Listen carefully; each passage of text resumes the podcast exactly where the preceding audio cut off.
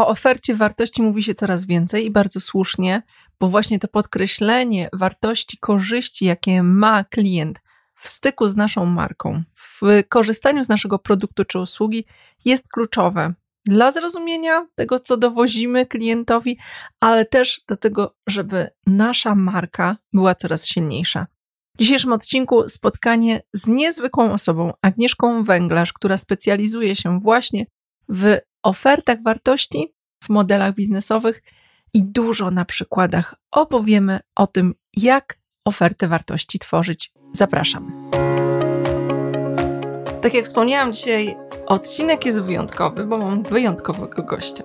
Osobę, która w mojej ocenie najwięcej w Polsce wie o temacie, w którym jest odcinek. No i żeby dodać pikanterii, nie powiem wam nic więcej, bo Agnieszka sama się przedstawi. Angelika, dziękuję Ci bardzo za zaproszenie i onieśmielające przedstawienie. No tak, jestem strategiem biznesowym, pracuję głównie z polskimi firmami MŚP, ale też z międzynarodowymi startupami i zajmuję się głównie modelami biznesowymi i ofertą wartości, o której dzisiaj będziemy rozmawiały. Dokładnie. A, jeszcze ważne, Agnieszka oprócz tego, że jest ekspertką najwyższej klasy, jest bardzo skromna, więc będę musiała ją trochę cisnąć, żeby powiedziała więcej odważnie o swoich dokonaniach. No ale jako my, laicy, zaczniemy od podstaw. No to czym jest ta propozycja wartości? Ja osobiście nazywam to częściej ofertą wartości, a mianowicie dlatego, że tam są te dwa kluczowe słowa: oferta i wartość. I e, myślę, że żeby dobrze zaprojektować ofertę wartości, to warto przede wszystkim dobrze zrozumieć to pojęcie. E, oferta to jest to, z czym my zwykle wychodzimy do klienta, czyli właśnie a propos, co proponujemy klientowi. Ale to, to, to, co trzeba w tym momencie podkreślić, to, że wartość to jest z kolei korzyść, którą on od nas otrzymuje albo chciałby otrzymać. I teraz, jeśli nasza oferta nie niesie ze sobą korzyści dla klienta, czyli właśnie wartości, no to co się dzieje? Sprzedaż nie następuje. Czyli tutaj jest jasna definicja czegoś, o czym dawno się mówi w sprzedaży, że są oferty bezwartościowe, tak? Stąd nacisk na to, żeby ta wartość się pojawiła. No dobrze, to świetnie, bo jeżeli jest oferta, to jest szansa na sprzedaż, jeżeli jest wartość, to jest szansa na zadowolenie, na to, że klient będzie lojalny. No to jak ją zbudować, żeby mieć to u siebie w zanadrzu? To wiesz co, ja myślę, że najprościej będzie, jakbyśmy poszły według klucza, jakie najczęściej popełniamy błędy. Okej. Okay. Bo jeśli ich nie popełnimy, to Czyli jest to... duża szansa, że dobrą ofertę zbudujemy. Czyli w myśl tego słynnego zdania z stoja, że wszystkie szczęśliwe rodziny w gruncie rzeczy są do siebie podobne, a nieszczęśliwe są nieszczęśliwe na swój sposób, więc jak namierzymy to, co jest złe, to uda nam się zdiagnozować dobre rzeczy. No dobrze, to zacznijmy. No więc pierwszy taki, myślę, że częsty błąd, który popełniamy, mówiąc popełniamy, mówię my, ludzie z biznesu, przy projektowaniu oferty wartości, wynika myślę z takiego bardzo głębokiego nawyku, który wielu z nas posiada, a mianowicie rozpoczynanie projektowania oferty od myślenia o tym, jaki produkt albo jaką usługę zrobimy. Okej, okay, tak, to jest częste. Czyli sprzedajemy młotek, a nie wiszący obraz. Dokładnie tak. Przede wszystkim musimy się zastanowić, komu my to sprzedajemy, czyli my musimy zacząć od klienta, bo jeszcze powiem tak dobitnie, po co projektować coś, czego nikt nie kupi. Czy jest coś, co jest krokiem przed? Dokładnie. Krokiem przed jest zawsze, zawsze klient. Tutaj e, ja się nie będę może za bardzo zagłębiała w zagadnienie segmentacji, ale krótko chcę powiedzieć, że myślę, że już kończą się czasy takich rozwiązań, gdzie wiesz, zgodnie z zasadą one size fits all, tak, że można zrobić produkt czy usługę, którą wszyscy na świecie kupią i pokochają. Mm. Coraz więcej jednak mamy takich specyficznych rozwiązań, specyficznych problemów. Oczywiście to mogą być też problemy powszechne, skalowalne, ale jednak e, dotyczą często po prostu takich charakterystycznych grup klientów klientów. Więc to, co powinniśmy zrobić na początku, no to rzeczywiście sobie tak ułożyć w głowie obraz tego naszego klienta, mhm. nie jakiegoś klienta, tylko generalnie konkretnej osoby, która no, ma jakąś określoną potrzebę, czy właśnie problem, który my chcemy rozwiązać. I w ogóle według założeń design thinkingu zaczynamy właśnie od problemów i zaczynamy od zastanowienia się, jak te problemy możemy rozwiązywać. No a to prowadzi nas do pierwszego pytania, kto jest naszym klientem. No dobrze, a te najczęściej popełniane błędy w kontekście e, oferty wartości, tak? Oprócz tego, że możemy robić e, coś i nie wiemy dla kogo, że komunikujemy właśnie ten młotek zamiast e, tego, co jest dla klienta korzyścią. Co jeszcze uważasz, że jest takim częstym błędem? Myślę, że też w szczególności, jeżeli mamy nawyk taki, gdzie pracowaliśmy przez wiele lat z określonym produktem fizycznym, mhm. albo dosyć tradycyjną usługą, to mamy też często nawyk myślenia dosyć wąsko o ofercie wartości. Mhm. Tymczasem my jesteśmy w czasach, gdzie de facto y, bardzo dużo źródeł wartości w ofercie leży poza samym produktem podstawowym albo poza samą usługą podstawową. A przykład? Już ci daję. No myślę, że taki pierwszy, który mi przychodzi do głowy z obszaru powiedzmy nowych technologii, bo z nimi dużo pracuję, no to jest, to są CRM-y chociażby. Mhm. I to jest to, że przez szereg lat y, istniały owszem CRM-y, ale jak pewnie może jeszcze pamiętasz, trzeba było je kupić i, że tak powiem, zaimplementować na poszczególne tak, komputery. Tak, tak, dokładnie. A potem przyszedł czas chmury, Mhm. Przyszedł czas między innymi Salesforce'a. I dlaczego Salesforce tak naprawdę e, stał się takim sukcesem? Myślę, że między innymi właśnie dlatego, że zrozumiał, że jest pewien problem klienta polegający na tym, że jak już sobie tego CRM-a wgramy na ten jeden, zainstalujemy na ten jeden komputer, to nie jest tak, że my zawsze tylko przy tym jednym komputerze pracujemy. Mhm. W takich czasach, w jakich teraz żyjemy, bardzo ważna jest możliwość dostępu do rozwiązania 24 godziny na dobę. Mhm. Nie mówiąc oczywiście o kosztach też tego rozwiązania. Więc tutaj to rozwiązanie chmurowe, CRM-owe, ono dało zupełnie inną odpowiedź na problemy i potrzeby klienta, ale oczywiście właśnie to, co chciałam przy tej okazji podkreślić, to jest to, że to było myślenie, które wyszło szeroko poza te podstawowe funkcje CRM-a i de facto zobacz, że dużo wartości w tej ofercie wynika na przykład właśnie ze sposobu dostępu do mhm. tego rozwiązania. Mhm. No tak, i on rzeczywiście zaczął pełnić wiele funkcji, trochę jak, e, jak smartfon, nie? który przestał być tylko telefonem, ale zaczął pełnić funkcje związane z tym, że ciągle go przy sobie mamy, czyli że jest telefonem, że jest, e, że jest odtwarzaczem plików MP3, że ma teraz internet i tak dalej. Super, dobre przykłady. No, możemy podać kolejne, bo to wiesz, myślę, że możemy płynąć w tym kierunku, bo właśnie myślę, że to, czego jesteśmy w tej chwili świadkiem w sensie świata biznesowego, to jest ta regularna ewolucja koncepcji oferty wartości i nie da się tutaj ominąć właśnie możliwości, które dają cyfrowe technologie, bo one stwarzają możliwości do tworzenia zupełnie nowych ofert wartości i zupełnie nowych w związku z tym modeli biznesowych. Mhm. No ale chociażby jak rozmawiałyśmy o takim CRM-ie i tym, co daje chmura, to taką następną kolejną możliwością, która natychmiast się pojawia, to jest to, że w oparciu o dane, które w tej chmurze mamy, przecież możemy tworzyć ogromną ilość analiz. Mhm. I zobacz, i to pokazuje, że tak naprawdę w zasadzie w tej chwili projektowanie oferty wartości to jest, ja zawsze powtarzam moim klientom, to jest podążajmy za problemami naszych klientów. Zrozummy, czego im jeszcze brakuje i myślmy bardzo szeroko, jak można im jeszcze dodatkowo w ofercie tą wartość wykreować. No dobrze, a gdybym ja tak sobie właśnie pomyślała sobie, Mm, no to jak ja mam namierzyć? Tutaj myślę sobie o tym, że może mnie dotyczyć e, klęska wiedzy eksperta, czyli kogoś, kto siedzi w tym swoim grajdołku już o, tyle tak lat, że nie widzi na boki, nie widzi z góry.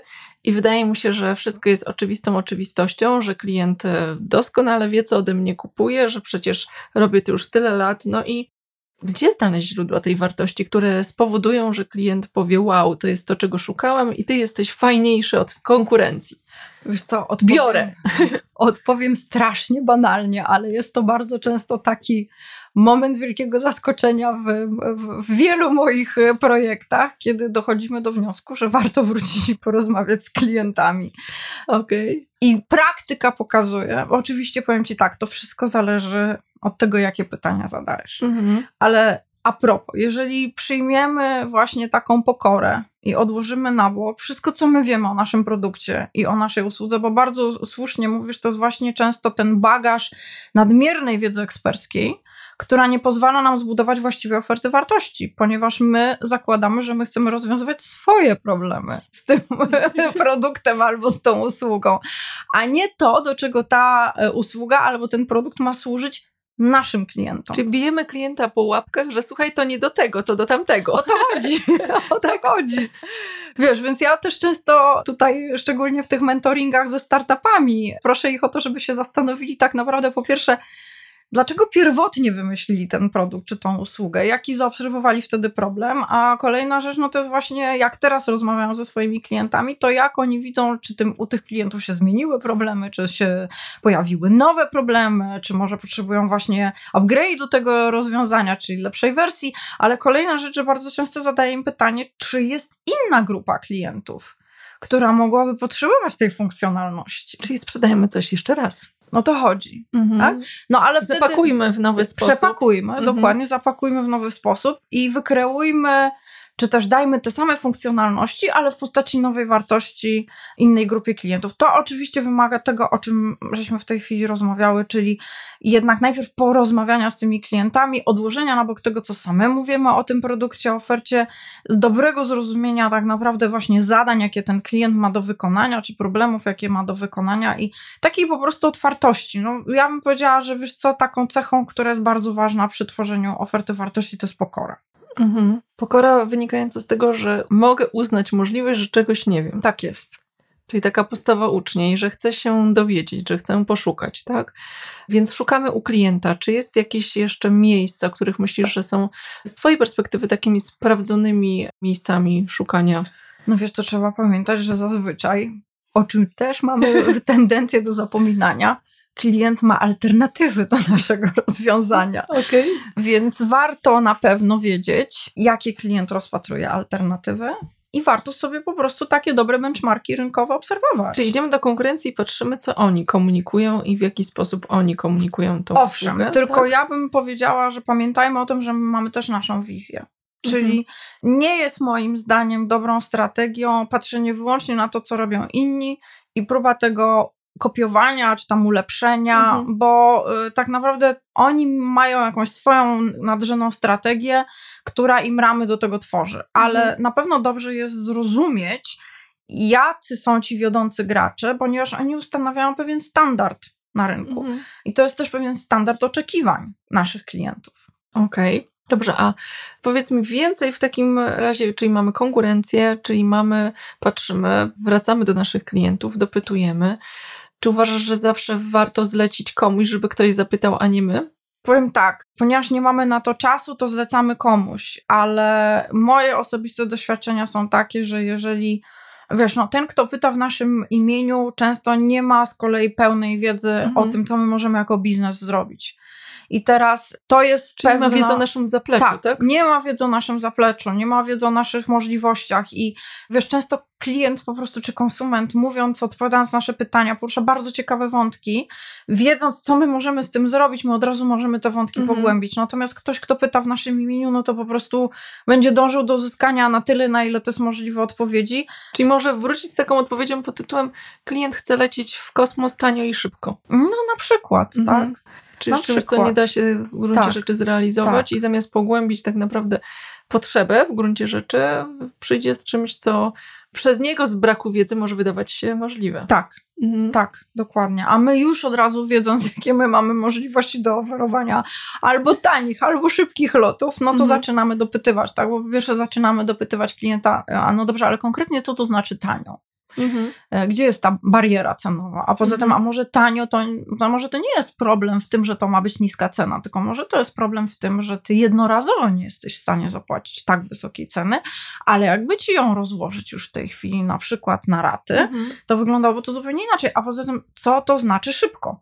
Wiesz, dodefiniujmy pojęcie szybkości, wiesz, i tu się zaczyna i w momencie, kiedy ty jesteś właścicielem swojego produktu, y, odpowiadasz za jego projektowanie i też, tak jak powiedziałaś, znasz swoje własne możliwości, to wiesz o co pytać. A ktoś, kto tego nie wie, no to po prostu właśnie bardzo dobry przykład wraca z odpowiedzią, że ma być tanio i szybko. Więc musimy to wziąć pod uwagę i ja, taka praktyczna rada, mhm. nawet jeżeli my zamawiamy badania rynkowe w agencji, to spróbujmy pierwszych kilka wywiadów przeprowadzić sami. Mhm wykorzystajmy to do wzbogacenia scenariusza rozmów. A poza tym możemy wtedy tą wiedzę wykorzystać do tego, żeby też lepiej ukierunkować agencję i powiedzieć, czego dokładnie szukamy, albo jakie mamy pierwsze hipotezy, które chcemy zwalidować. Okej, okay, świetnie.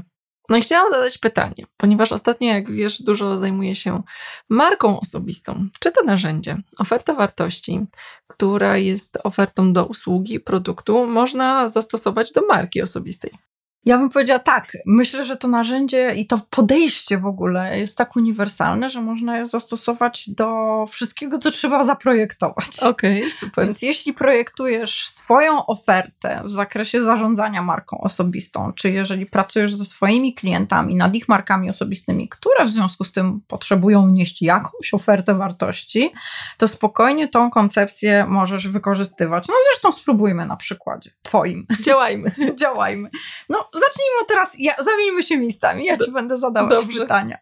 Jakie nowe, czy może coraz pilniejsze potrzeby, czy nierozwiązane problemy zauważyłaś wśród klientów, co zainspirowało cię do tego, żeby zająć się tym tematem? Myślę, że to, co jest nowe, to duży spadek, coraz większy spadek zaufania do marek. Jako marek mówię do brandów, produktów, jako e, firm rozwój nowych kanałów, no już nie nowych, no bo Facebook ma 2000, e, powstał w 2004 mhm. roku, ale rozwój social media dał możliwość komunikacji, która wcześniej była ograniczona dla wąskich grup osób, które miały albo dostęp do mediów tradycyjnych, albo miały poprzez znajomości, kontakty, albo miały odpowiednie budżety, żeby tam się pojawiać, tak? I ten spadek zaufania do marek, produktów, spadek obecności ludzi w tradycyjnych kanałach powoduje, że dotarcie z tradycyjną reklamą do potencjalnych klientów, utrzymanie relacji z obecnymi klientami staje się coraz trudniejsze. No i jako marketingowiec wiesz i znasz na pewno to ćwiczenie zadanie, które latami robiliśmy pod tytułem gdyby twój produkt, usługa była człowiekiem, to jakie miałaby cechy, no to tutaj e, uczłowieczenie związane z tym, że my jako ludzie występujemy już naturalnie jest, no i stało się to tak, takim naturalnym sposobem dotarcia do klientów poprzez osoby, tak? Jakby tutaj powstała przestrzeń do tego, żeby coś nowego zrobić i potrzeba u klientów. Jasne. Czyli tak podsumowując, ta zmiana w krajobrazie kanału dotarcia spowodowała, że jest y, tak, jak ty diagnozujesz, coraz większa potrzeba też marek osobistych do tego, żeby budować relacje z klientami. Tak, y, szczególnie mhm. właśnie w mediach społecznościowych, szczególnie w tych kanałach, gdzie y, klient przychodzi z intencją spotkania się z człowiekiem, a nie z produktem czy z usługą. Jasne. To teraz zastanówmy się jeszcze nad kwestią barier. Czyli tak naprawdę, jakie były tak zwane punkty bólu klientów przy rozwiązywaniu tych problemów, czyli czego nie dostawali, nie otrzymywali w ramach wsparcia pomocy do budowania marek osobistych. Było to dla nich, dla dużej części osób, niestety jest taki stereotyp, że marka osobista to trzeba mieć tak, tak zwaną osobowość sceniczną. Mm -hmm tak? Czyli ja muszę być showmanem, muszę się świetnie czuć na, na forum i że to jest tylko dla pewnej wąskiej grupy charyzmatycznych osób, które są w stanie w ten sposób y, zacząć komunikować. To dla tych osób, które jak dla mnie reprezentują styl, który ja uwielbiam w pracy, czyli taki etyki pracy, właśnie takiej, jak, jak na początku powiedziałeś, pokory do tego, co ja robię, takiej rzetelności, takiego styl osób, które reprezentują taką postawę rzemieślnika mm -hmm. wręcz, tak? Mm -hmm. Dla nich to było gigantyczną barierą. Jasne. Takie Czyli takie się. przekonanie głębokie, że to jest tylko dla ludzi, którzy tak. się świetnie czują na scenie. Tak, tak. A poza tym druga rzecz, że chyba też nieumiejętność a propos dostrzeżenia w sobie tych wartości, o których można mm by mówić. Dokładnie, prawda? to właśnie chciałam powiedzieć jako drugie, bo tam zachodzi to zjawisko znane, znane i zbadane, które jest nazwane efektem Krygera-Dyninga, mm -hmm. czyli przecenianie. Czyli to jest ten efekt, który widzimy na co dzień w internecie. Nie znam się, ale się wypowiem. Mm -hmm. Tak? Czyli ktoś, kto ma niską wiedzę, ma wysoki poziom odwagi do wygłaszania e, opinii sądów, a ktoś, kto ma pogłębioną wiedzę, jest ekspertem, często już wie, jak wiele jeszcze nie wie, jak temat jest złożony, w związku z tym ma niski poziom odwagi do tego mm -hmm. i nie doszacowuje swoich możliwości. Jasne. I dokładnie to jest też ta bariera. Jasne. To słuchaj, podsumowując w takim razie, bo to, co też chciałam ten mechanizm pokazać, mhm. budowania mhm. i kreowania wartości, że nie tylko zastanawiamy się nad problemami do rozwiązania, ale zastanawiamy się też właśnie nad tym, co w tej chwili ogranicza tego naszego klienta, czego on nie dostaje mimo wszystko, to jakie w takim razie korzyści chciałaś swoim klientom zaoferować w odpowiedzi na ten cały zestaw obserwacji, które miałaś? Jeżeli mówimy o firmach, no to tutaj wchodzi taki temat tego, że ich ludzie, tak naprawdę, którzy są na pokładzie, stają się twarzą firmy i skutek czego e, jest ta relacja osobista z tymi ludźmi, jest pewnego rodzaju wymiana, to znaczy marka który, jako firma, która ma silny brand, jest ten efekt księżyca dla pracowników, mhm. a z drugiej strony pracownicy dają część ze swojej osobowości, ze swojej marki dla firmy. Więc to jest taki, taka, jak dla mnie, często sytuacja win-win do tego, żeby było to zrównane. I tutaj w przypadku właśnie szczególnie w branżach, w których mamy do czynienia z tym, że sprzedaje się wiedzę ekspercką, tak? To jest bardzo ważny temat. Prawnicy, konsulting, to, to jest coś, to jest wyróżnikiem dla ich klientów, tak? A w przypadku pojedynczych y, osób, no to o wiele łatwiej jest trafić poprzez osobę mhm. żywą, prawdziwą, w której ja mogę spojrzeć w oczy, zaufać, niż pokazywać, nie wiem, stokowe zdjęcia, pokazywać komunikaty, do, do, których jesteśmy już mocno zdystansowani, niezależnie czy w internecie, czy mhm. w takich tradycyjnych kanałach. A w ramach swojej oferty wartości, jak w takim razie podchodzisz do tej kwestii tej ich nieśmiałości, mhm. tego, tego przekonania głębokiego, że ja tak naprawdę nie mam o czym mówić w mhm. tych mediach społecznościowych? Tak jak ty, to znaczy ja mówię im dokładnie, że uważam, że trzeba zapytać klientów, co jest dla nich oczywistą oczywistością. Mhm.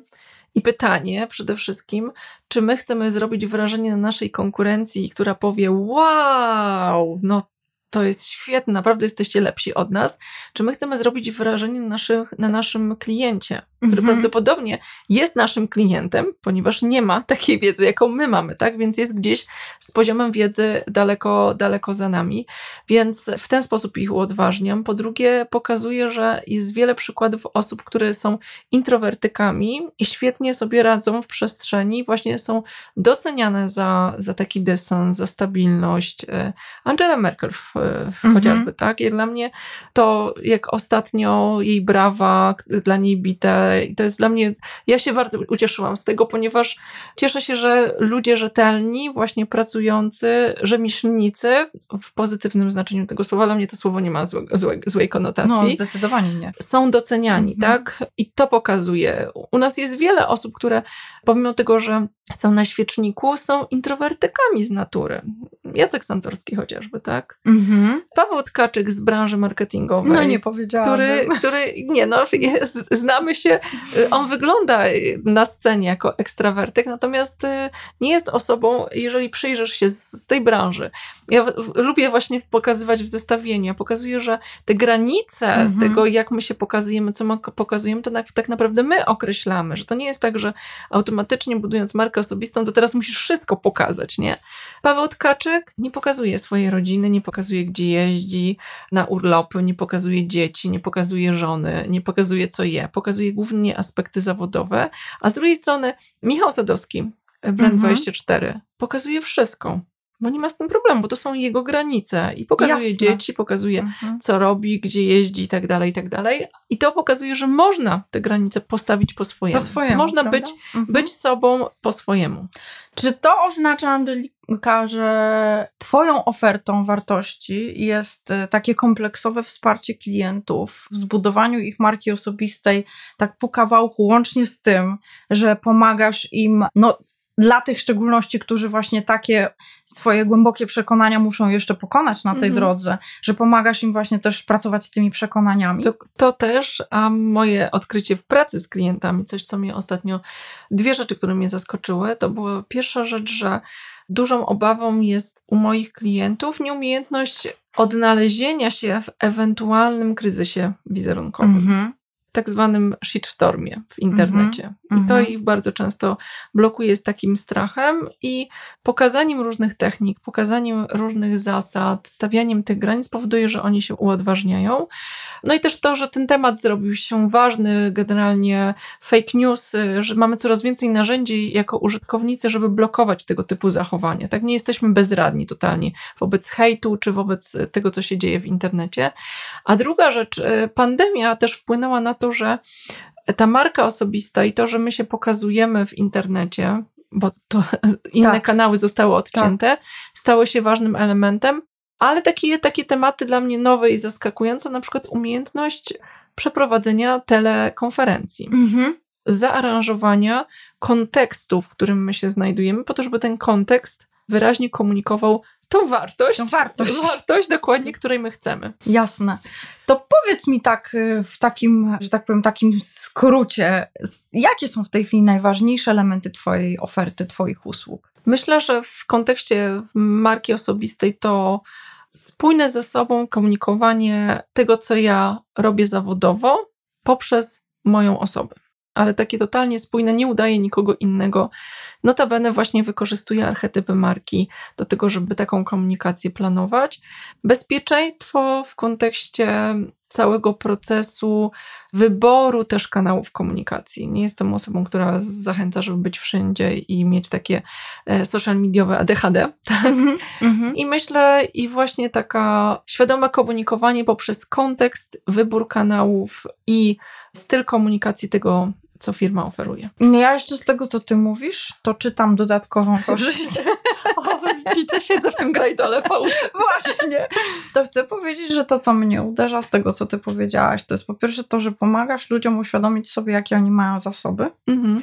I pokazujesz im, jak mogą te zasoby wykorzystywać dodatkowo, zarówno do wzmacniania wizerunku firmy, jak i też swojego własnego profesjonalnego. Tak, tak, tak, dokładnie tak. Y, I tutaj coś, co dla mnie było zaskoczeniem, pracując dłuższy czas z tym tematem, to jest to, że na początku mi się wydawało, że ja klientom udowodnię, że słuchaj, przecież to jest takie tanie, twoich pracowników już im płacisz, po prostu zachęć ich, naucz ich, wyszkol ich i oni będą chcieli to robić.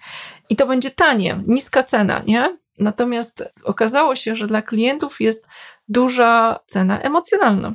Mhm. I stąd, tak jak trafnie zauważyłaś, ta praca na postawach bardziej niż e, na jakichś e, specjalnych technikach, nie? Czyli to już też by wskazywało, tutaj pytanie do Ciebie jako mhm. do eksperta w temacie, że jest już dosyć wysoka świadomość potrzeby budowania marek osobistych w mediach, tylko po prostu ludzie się cały czas jeszcze boją, jak to robić? Powiem tak, ona zawsze była. Mhm. Ludzie widzieli te możliwości w momencie pojawienia się social mediów, internetu, mhm. smartfonów. Mhm. Natomiast pandemia spowodowała, że zostaliśmy odcięci od innych kanałów komunikacji. Jasne od konferencji, od osobistego spotykania się z klientem, od meetupów, od takich rzeczy, które powodowały, że to był sposób nadal na pozyskiwanie uwagi odbiorcy, tak? I nagle wszystko zostało zamknięte. Jasne. No to teraz ja muszę zadać to pytanie, które też zawsze zadaję. Dobrze. A mianowicie biją mnie w moim podcaście. Tak. Co wyróżnia Twoją ofertę wartości? No i właśnie, siedząc w tym grajdole, obserwując, mogę to powiedzieć w kontekście Polski, patrząc na, na ludzi, którzy robią podobne rzeczy, ja myślę, że moim wyróżnikiem jest to, że ja mam jasno zdefiniowaną grupę odbiorców. Mhm. I nawet ostatnio rozmawiając z moją asystentką, rozmawialiśmy o informacjach, które przychodzą z formularza, z kontaktu, zapytania, które przychodzą, tak? I mówię, Magda, zobacz, udało się to nam. To znaczy, nie dostajemy już takich przypadkowych zapytań. I ja głównie pracuję z dużymi organizacjami, z korporacjami, więc takie zapytania przychodzą, więc myślę, że, że to, co jest wyróżnikiem, to mam nadzieję, że udało mi się mówić ich językiem, komunikować na tyle wyraźnie to, co sprzedaję, że przychodzą sami i przychodzi dokładnie ta grupa, której, której w mojej ocenie jestem w stanie najlepiej pomóc, bo sama byłam korporatą przez 17 lat. Ja myślę, że jest jeszcze więcej w takim razie w tym, co ty mówisz, bo też z mojego doświadczenia, ja akurat mam specjalizację, jak wiesz, MŚP tak, i startupy, tak, tak.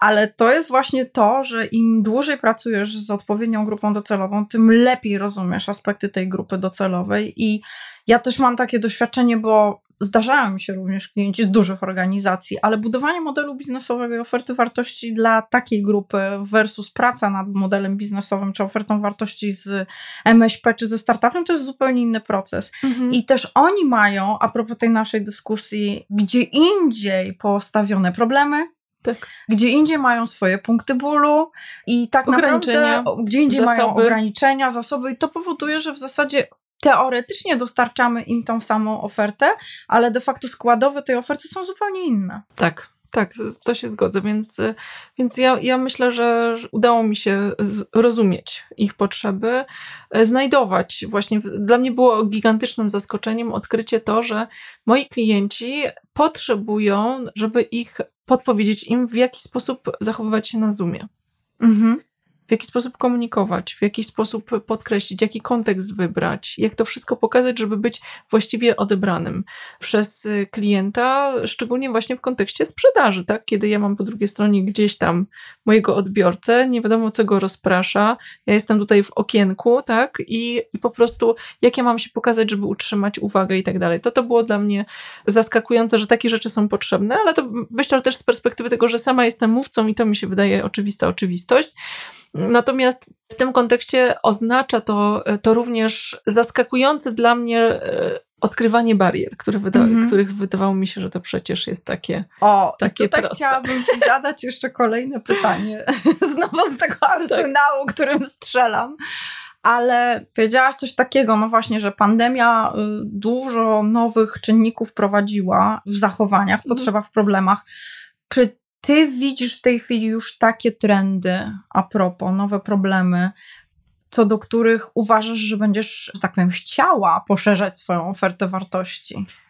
Znaczy tak, bo jedną rzecz, której nie, nie, powiedziałam, ale w tym kontekście właśnie sprzedażowym, marketingowym jest ważna, to ta zbudowanie silnej marki osobistej powoduje, że my bardziej szanujemy drugą stronę. Mhm. W takim sensie, że jeżeli ten sprzedawca, ten ekspert pojawia się po drugiej stronie, odbiorca ma taki trochę respekt w takim sensie, że, że fajnie, że super posłucham, będzie coś mądrego i tak dalej, więc jest nam łatwiej później tą komunikację online utrzymać. Myślę, że, że byłabym pyszna, gdybym powiedziała, że, że, że wiem, co teraz będą moi klienci potrzebowali i jak, e, w którym kierunku to popłynie. Oprócz tego, że przez ostatnie półtora roku coś, nad czym pracowaliśmy pod tytułem, to był taki schemat pod tytułem tak, wiemy, zajmiemy się tym. Mhm. I to było ciągle odsuwane, bo ciągle -hmm. był ten nawykowe działanie. Tak teraz po prostu robimy natychmiast szybko, no i uczymy się na pierwszych błędach i widzimy pierwsze ograniczenia. W takim sensie, że po prostu organizacje wielokrotnie nie są gotowe, nie są przygotowane na problemy, które się z tym pojawią. Albo są wewnątrz organizacji, tak mówiąc już konkretnie na przykład w kontekście budowania marki osobistej ekspertów na LinkedInie.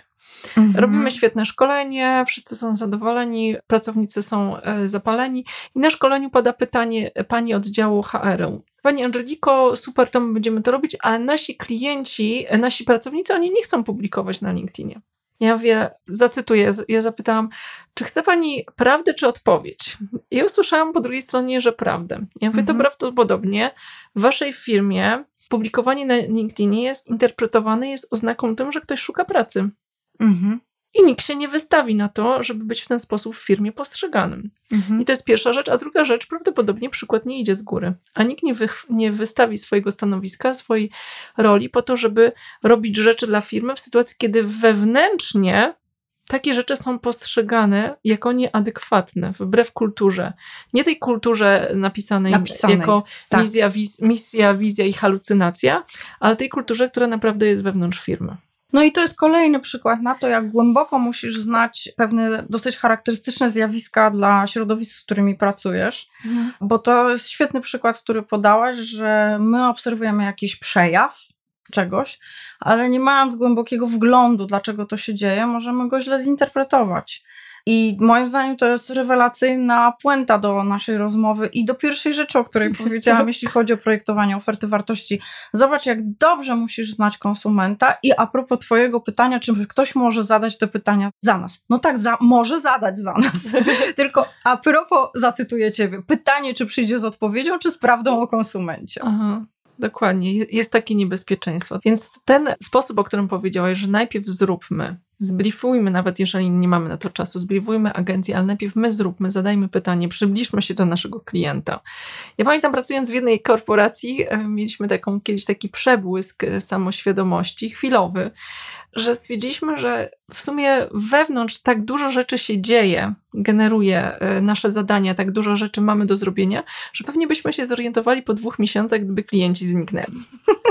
Nie? No tak. I myślę, że to nie jest tylko w korporacjach takie rzeczy się dzieją. Myślę, że po prostu w mniejszych organizacjach one się dzieją na mniejszą skalę, ale często idziemy tym utartym torem, jak ta lokomotywa, tydym, tydym, tydym i nagle zauważymy, że już nikt nie wsiadł do pociągu. Nie? Wiesz, do wagonika. Mam wrażenie, że to jest po prostu, y, wiesz, to jest właśnie taki efekt pracy w codzienności. Tak jak ty mówisz, w tych mniejszych organizacjach, ponieważ szybciej widać Mhm. po wynikach, Tak. To szybciej zaczynają sobie tutaj właściciele i menedżerowie zadawać pytania, ale co jest nie tak, Mhm. tak? I szybciej też zaczynają szukać pomocy.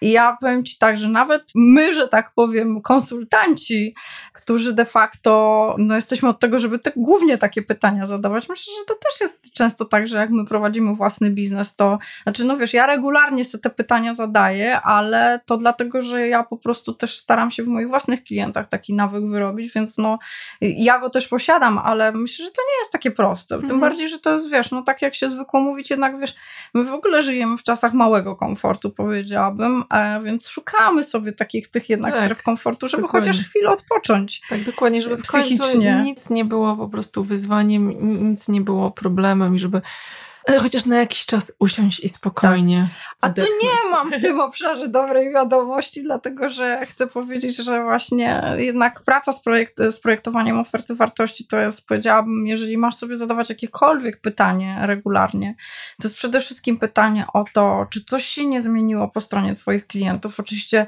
jeżeli widzisz, że coś się zmieniło, to zadaj sobie pytanie, dlaczego, o czym to świadczy, no i jakie to dla Ciebie kreuje, po pierwsze, ryzyka, ale też może otwierać nowe szanse, Mhm. prawda? Więc jak gdyby praca nad ofertą wartości niewątpliwie jest pracą ciągłą, chociaż to wcale nie oznacza, że my mamy ją regularnie zmieniać co tydzień, broń Mhm. Boże.